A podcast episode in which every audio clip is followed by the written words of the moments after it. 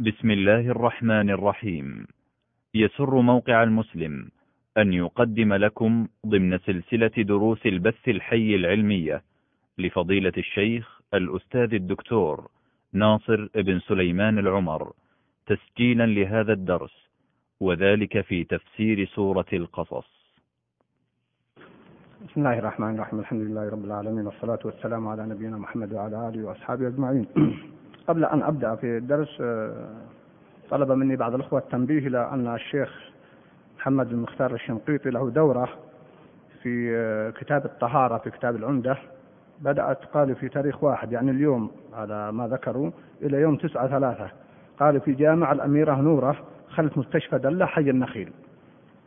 جامع الأميرة نورة خلف مستشفى دلة حي النخيل. تبدأ اليوم لمدة تسعة أيام فمن رغب أن يحضرها أو أن يدل أهله عليها فأنبه إلى ذلك وأسأل الله له التوفيق والسداد. موضوع اليوم هو في قوله تعالى في سورة القصص ونحن مع هذه السورة العظيمة إنك لا تهدي من أحببت ولكن الله يهدي من يشاء وهو أعلم بالمهتدين. حرصت أن نخصص هذا الدرس أعتبرها وقفات. أولا سبب نزول هذه الآية كما في صحيح مسلم عن سعيد بن المسيب عن أبيه قال لما حضرت أبا طالب الوفاة جاءه رسول الله صلى الله عليه وسلم فوجد أبا جهل وعبد الله بن أمية بن المغيرة وجدهما عنده. فقال رسول الله صلى الله عليه وسلم يا عم قل لا إله إلا الله. كلمة أشهد لك بها عند الله. فقال أبو جهل وعبد الله بن أبي أمية يا أبا طالب أترغب عن ملة عبد المطلب؟ فلم يزل رسول الله صلى الله عليه وسلم يعرضها عليه ويعيد له تلك المقالة أي قل لا إله إلا الله. حتى قال أبو طالب آخر ما كلمهم هو على ملة عبد المطلب. وأبى أن يقول لا إله إلا الله. فقال رسول الله صلى الله عليه وسلم أما والله لأستغفرن لك ما لم أنه عنك. فأنزل الله عز وجل ما كان للنبي والذين آمنوا أن يستغفروا للمشركين ولو كانوا أولي القربى من بعد ما تبين لهم أنهم أصحاب الجحيم. وأنزل الله تعالى في أبي طالب فقال لرسوله صلى الله عليه وسلم إنك لا تهدي من أحببت ولكن الله يهدي من يشاء وهو أعلم بالمهتدين. هذه الآية لو خصصت لها عدة دروس لما كفى ولكن كالمنهج الذي اتبعناه نقف وقفات تناسب المقام. الوقفة الأولى أيها الأحبة يبين أن الملك لله وأنه مالك الكون سبحانه وتعالى وبيده مقاليد الأمور وبيده قلوب العباد. فتأملوا المشهد. أبو طالب رجل دافع عن النبي صلى الله عليه وسلم. سنوات وحماه.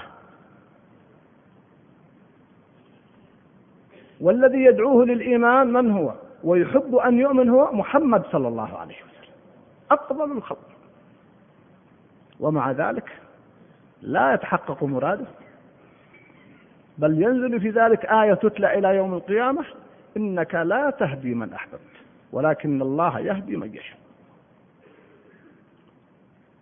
تأمل هذا المشهد يعطينا حقيقة دلالات كثيرة. حتى في الواقع الذي نعيشه كما سأذكره بعد قليل. فإذا كان هذا أبو طالب الذي يقول العباس رضي الله عنه يا رسول الله إن عمك أبا طالب كان يدافع عنك ويحميك فهل نفعته؟ فهل أنت نافع بشيء يوم القيامة? قال نعم. هو في ضخ من نار يغلي منها دماغه. ولولا يعني يقول لولا شفاعة صلى الله عليه وسلم له لكان في الدرك الأسفل من النار. ولولا أنا لكان في الدرك الأسفل من النار. لكنه في النار. والعياذ بالله. فهذه قضية وقفة من أهم هذه الأوقات هذا الدين ليس فيه محاباة لأحد. دين عدل وصرامة وصدق ووضوح وجلاء وبيان وإقامة حجة. والله لا يحابي أحدا من عباده. جل وعلا. إذا هذه المسألة الأولى. المسألة الثانية الهداية على نوعين. هداية دلالة وإرشاد وهداية توفيق. هداية الدلالة والإرشاد لكل أحد من الناس وإنك لتهدي إلى صراط مستقيم. يقال لمحمد صلى الله عليه وسلم. كيف نجمع بينها وبين إنك لا تهدي من أحببت؟ المقصود إنك لا تهدي إلى صراط مستقيم أي تهدي أي تدل الناس تدعو الناس إلى الصراط المستقيم. فهي دلالة إرشاد هداية وإرشاد وبيان. أما التوفيق يعني أن يوفق الإنسان فهي بيد الله جل وعلا. لم يجعلها لأحد من البشر ولا لمحمد صلى الله عليه وسلم. بل تأملوا تأملوا السيرة. نوح عليه السلام أول رسول لا يملك أن يهدي ابنه. بل يأتي قوله تعالى لما قال إنه من أهلي قال إنه ليس من أهلك إنه عمل غير صالح فلا تسألني ما ليس لك به علم إني أعظك أن تكون من الجاهلين. يقال لمن؟ لنوح صلى الله عليه وسلم بعد تسعمائة وخمسين سنة. وهو يدعو قومه ويجاهد ويصبر ويقول يا رب إنه من أهلي. فيرد الله جل وعلا نعم. فيرد الله جل وعلا عليه إنه ليس من أهلك ولا أكتفي بهذا. إنه عمل غير صالح. فلا تسألني ما ليس لك به علم. إني أعظك أن تكون من الجاهلين. آدم ما يملك لابنه الهداية الذي قتل أخاه. إبراهيم وعليهم جميعا أبناء نبينا أفضل الصلاة والسلام لا يملك الهداية لأبيه. لأستغفرن لك. بعد ذلك لما تبين له أنه عدو الله تبرأ منه. إبراهيم من هو خليل الرحمن؟ إبراهيم إن إبراهيم كان أمة إبراهيم وحده عليه السلام أمة. وأحد الأحبة من طلاب العلم من طلابي وقف مع هذه الآية ووجد بقوله إن إبراهيم كان أمة قرابة ثلاثين وقفة. تدل لماذا كان إبراهيم؟ تتبع القرآن في ذلك. ومع ذلك لا يملك أن يهدي أباه. ومحمد صلى الله عليه وسلم. بل إن نوح لا يملك أن يهدي زوجته عليه السلام. ولوط لا يملك أن يهدي زوجته. ومحمد صلى الله عليه وسلم لا يملك أن يهدي عمه. هذه حقيقة تعطي بعد وتبين عظمة الله جل وعلا. وما قدر الله حق قدره. وأن مسؤوليتنا هي في الدلالة والإرشاد. ولهذا نصل إلى نقطة ختام لهذه الوقفة. إذا تيقنا وأصلنا اليقين وهذا يجب أن يكون يقينا أن الهداية بيد الله هداية التوفيق والإيمان والصلاح بيد الله فلنتوجه إلى الله جل وعلا. نستعين به أن يهدي ضال المسلمين بل أن يهدي الكافرين. فالنبي صلى الله عليه وسلم كان يدعو لدوس. اللهم اهد دوس أتي بهم. بل كما ذكر أحد الأخوة في هذه الآية أن المؤمن يحب هداية الكافر. وإذا كان النبي صلى الله عليه وسلم كان يحب هداية أبي طالب إنك لا تهدي من أحببت. بينما بعض الناس يجد في نفسه أنه ما يحب أن يهتدي. بعض الكفار. بل والعياذ بالله هناك الآن من لا يحب أن يهتدي بعض المؤمنين لكن يكون عنده خطأ أو ضلال ما يحب أن يهتدي. والعياذ بالله وهذا مرض في النفوس. المؤمن يجب يفرح بهداية من يهتدي. أنت تعمل لنفسك ولا تعمل لله؟ الحسد الحقد المنافسة قد تحول بين الإنسان وبين الحق والعياذ بالله. فيكره الهداية حتى لبعض المسلمين. لو يقال له أن فلان اهتدى ما يسره ذلك. بل يماري ويحاول يثبت أنه ما اهتدى أنه ضال هذا وهو مسلم. فكيف إذا هذا يتمنى هداية الكفار؟ وهداية الكفار؟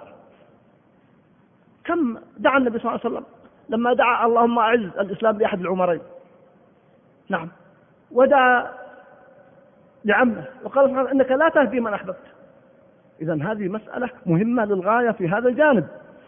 فالله سبحانه وتعالى هو الهادي. أيضا وهذه من خلاصة هذه الآية تاتيني رسائل اتصالات.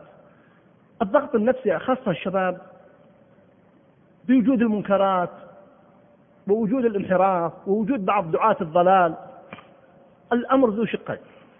جانب منه صحيح أنك تحزن لانتهاك محارم الله.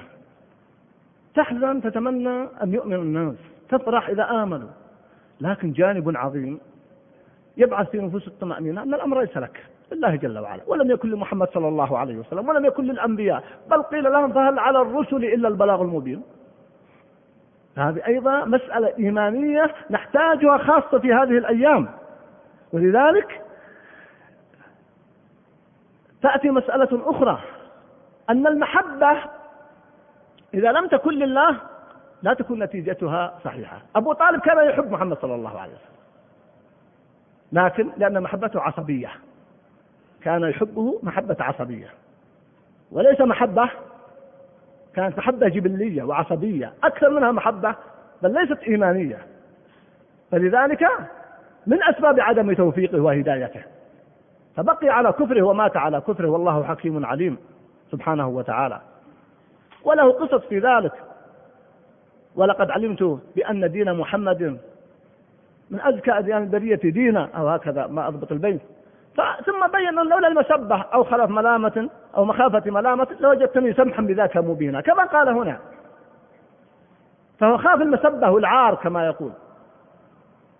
أحيانا بعض الشباب يقول أنا أحب ألتزم لكن أخشى من استهزاء الناس. أحب في لحيتي لكن أخشى من الاستهزاء. أحب أحب أن أرفع ثوبي عن الكعبين لكن أخشى يقال عني مطوع.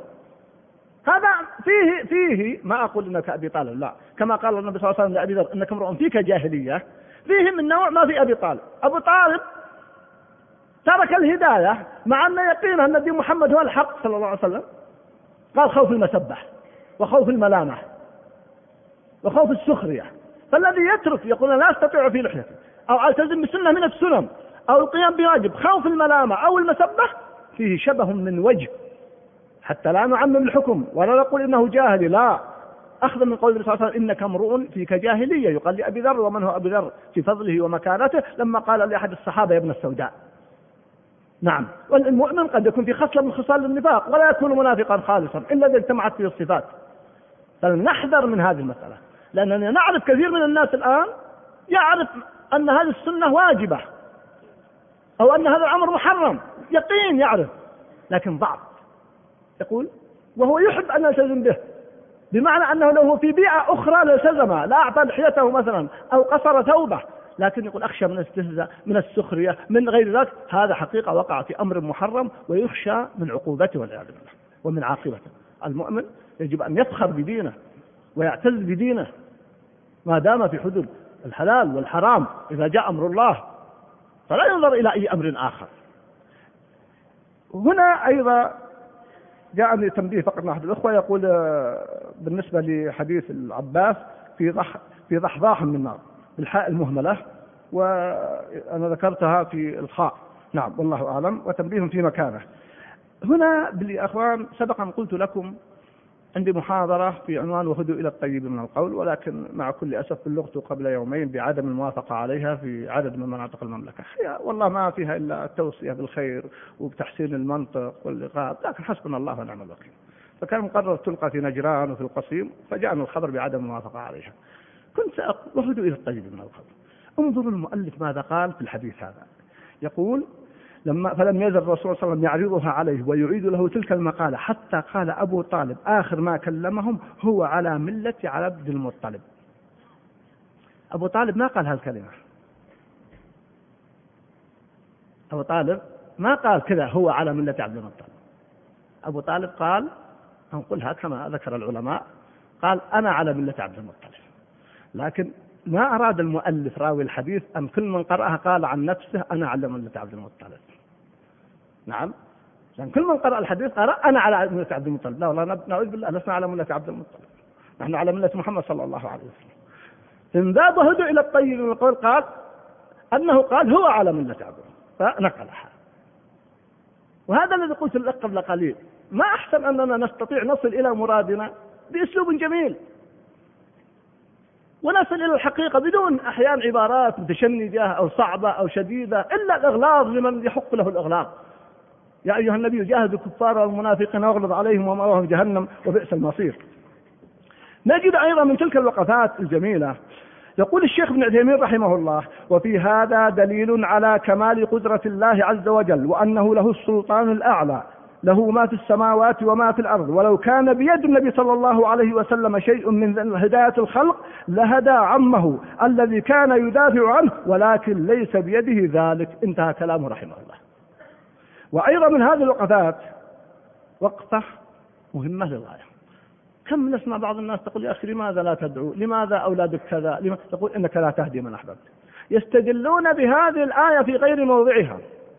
ويتخذونها دليلا على قعودهم وتساهلهم وكسلهم. لا يا أخي الكريم محمد صلى الله عليه وسلم وهو قدوتنا إلى آخر لحظة وهو يدعو عمه. نوح عليه السلام إلى آخر لحظة وهو يقول لابنه اركب معنا اركب معنا. إبراهيم عليه السلام مع أذى أبيه له وشدة يعده بأنه سيستغفره لأستغفرن لك. سبحان الله. يعملون ويجتهدون ويبذلون ولكنهم يقفون عند حدود الله. أما ما يحدث من بعض الطيبين الأخيار تسأله من تحت يده أو من طلاب أو يقول لك لا تهدي لا يا أخي الكريم. مثل استدلال بعضهم ليس عليك هداهم. نعم لكن متى؟ اقرأ التي قبلها. يا أيها الذين آمنوا لا يضركم من ضل إذا اهتديتم. هنا نقول لا يضركم من ضل إذا اهتديتم. هذه الآية. اللي يقول عنها أبو بكر تضعونها في غير موضعها إذا اهتديتم ومن الهداية أن تأمر وتنهى وتدعو وتجاهد. أما هنا لا يضرك. أما إذا لم تدعو ولم تكمل إيمانك فإنه يضرك لأنك يصبح عليك إثم في هذه المسألة. أيضا نجد أن النبي صلى الله عليه وسلم كما قلت عن نوح عليه السلام وكما قلت عن إبراهيم لم ييأسوا أبدا. لم ييأسوا من من دعوة قومهم. إلى آخر لحظة. ونحن نحتاج إلى هذا الأمر خاصة هذه الأيام. الاستمرار والمحاولة والتحايل الشرعي على الناس لعلهم يهتدون. فلذلك نحن بحاجة إلى هذا المعنى. وبعد ذلك الضغط النفسي الذي يحدث عند البعض وهو عكس الأولين الذين يتساهلون ويحتجون بالآية أنك لا تهدي من أحببت ولا يأمرون ولا ينهون أو يأمرون ينهون بالتساهل النوع الثاني هو الشديد. وتجد في نفسه حشرة وقوة إلا يهتدي. لا يا أخي لا إكراه في الدين. لأن هذه الحسرة تكون أثرها سلبيا ولذلك في مواضع عدة من القرآن فلا تذهب نفسك عليهم حسرات ولقد نعلم أنك يضيق صدرك بما يقولون. فسبح بحمد ربك وكن من الساجدين واعبد ربك حتى يأتيك اليقين لا تيأس. نعم. أرسل لي أحد الأخوة رسالة وقال إنني حاولت مع الجهة الفلانية من أجل فتح محاضرة لأحد المشايخ. وبذل جهد ومحاولة ولكن بدأ يقول لي ولكن كذا وكذا بشدة حتى قال كلام تخشى عليه أن يتصرف تصرفا. خاطئا. ففقط كتبت له رسالة هذه الآيات. قلت له أبد ما زلت ولا نقصت هذا كلام الله جل وعلا. ولقد نعلم أنك يضيق صدرك بما يقولون. لأنهم قالوا عن الشيخ بعض الكلام وسمعوا أذن لبعض الناس. نعم. قلت فسبح بحمد ربك وكن من الساجدين. واعبد ربك حتى يأتيك اليقين. من الغد اتصل بي قال بشرك سمحوا للشيخ في حاولت مرة أخيرة بعد الآيات هذه فسمحوا له. لا تيأس يا أخي الكريم هذا واجبك هذا ما تستطيعه هذا ما تقدر عليه. لا تطلب شيء لم يكن لمحمد صلى الله عليه وسلم. لأن شدة الحرص فلعلك باخع نفسك على آثارهم إن لم يؤمنوا بهذا الحديث أسرا فلعلك باخع نفسك ألا يكونوا مؤمنين. ومن هنا ما أشرت إليه في اللقاء الماضي ما يتعلق بالأولاد. بعض الناس في الحقيقة أسلوبه في هداية أولاده شديد جدا. يضغط عليهم لا يا أخي الكريم يحتاجون إلى حلم. ليس تساهل لا. ليس ضعف لا.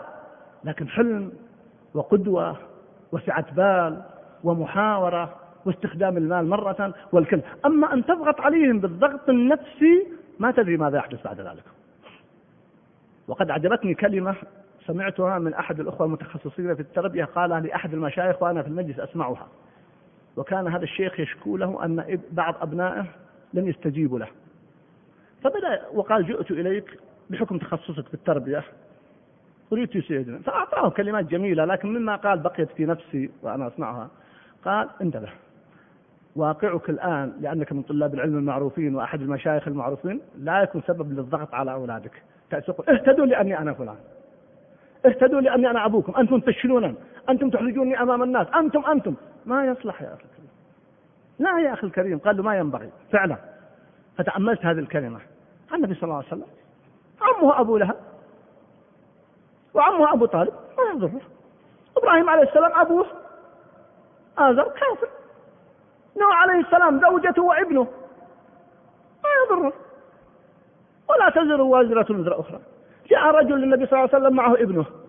فقال من هذا؟ تقول النبي صلى الله عليه وسلم قال هذا ابني واشهد به. فقال النبي صلى الله عليه وسلم أما إنه لا يجني عليك ولا تجني عليه. أما إنه لا يجني عليك ولا تجني عليه. إذا قمت الواجب الضغط النفسي من بعض الآباء الحرص الزائد لهداية أولادهم قد يأتي بعكس المراد. وكتب لي أحد الشباب رسالة اليوم يقول لهم في فلان معنا أبوه يضغط عليه فمظهره مظهر الالتزام ولكن الولد نسأل الله العافية في الداخل أمور ما أحب أتكلم بها. من شأن واجب ولا أنا من المقتنع لا في إعفاء لحيته ولا في تقصير فأسلوب الضغط طبعا قد يقول قائل يعني هل نتركه؟ لا يا أخي الكريم أنا ما قلت أترك. فيه حدود أنت مطالب بها. نعم. ولكن أمور لا تستطيعها.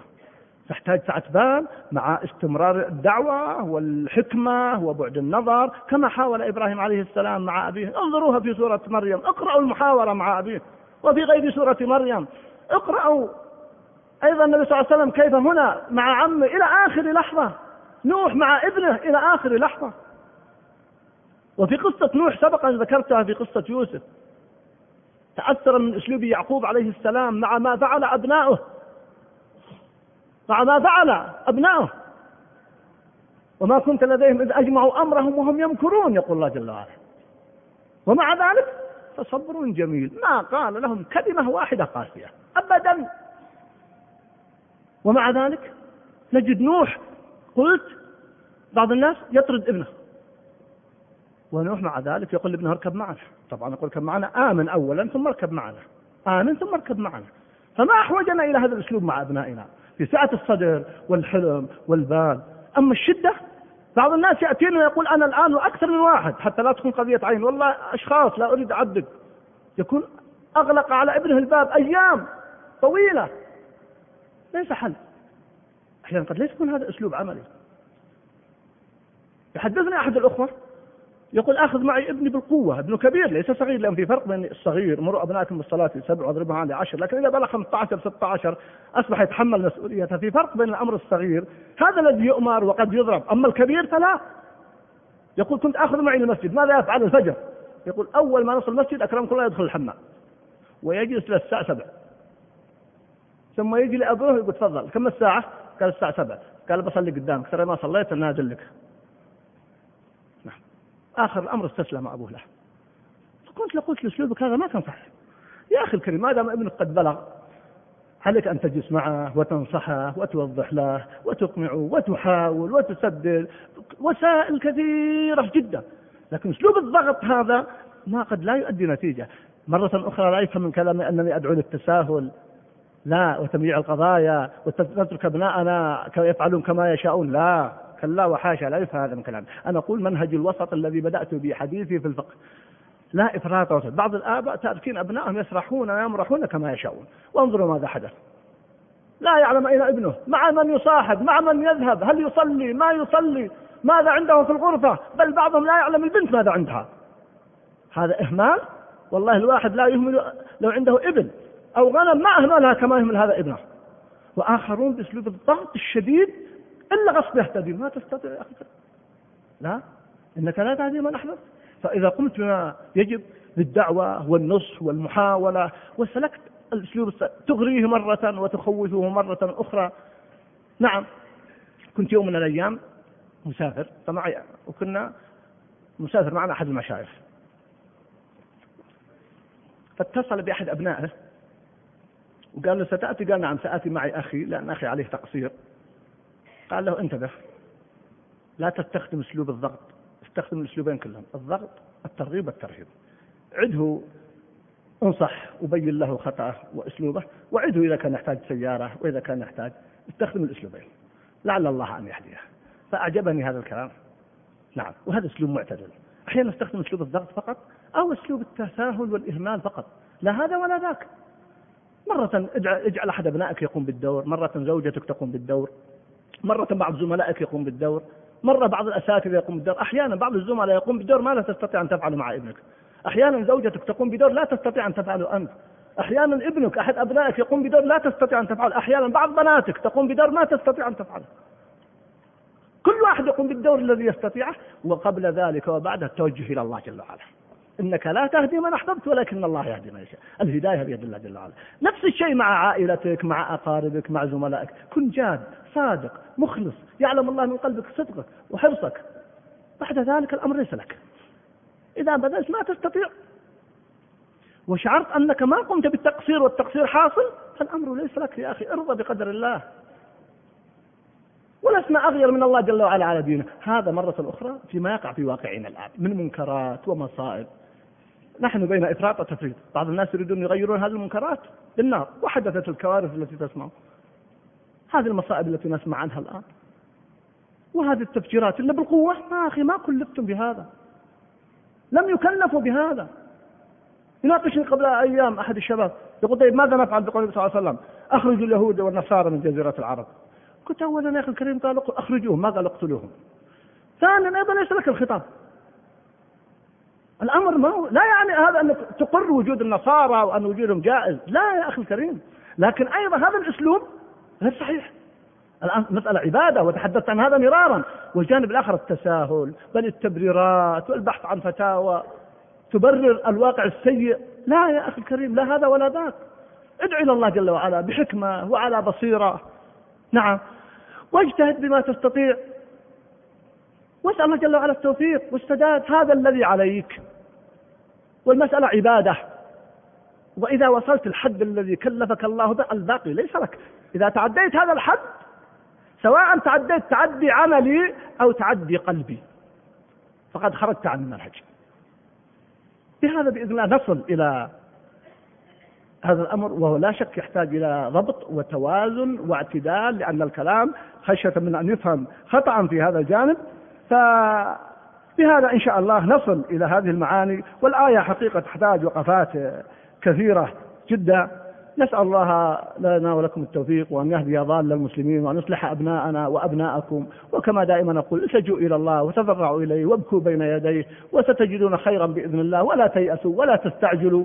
وبهذا نحقق العبادة التي كلفنا الله بها. أسأل الله أن يبارك لنا ولكم أن يحفظ بلادنا وبلاد المسلمين وأن ينصر المجاهدين في كل مكان. أقول قولي هذا وأستغفر الله لي ولكم. السلام عليكم ورحمة الله وبركاته.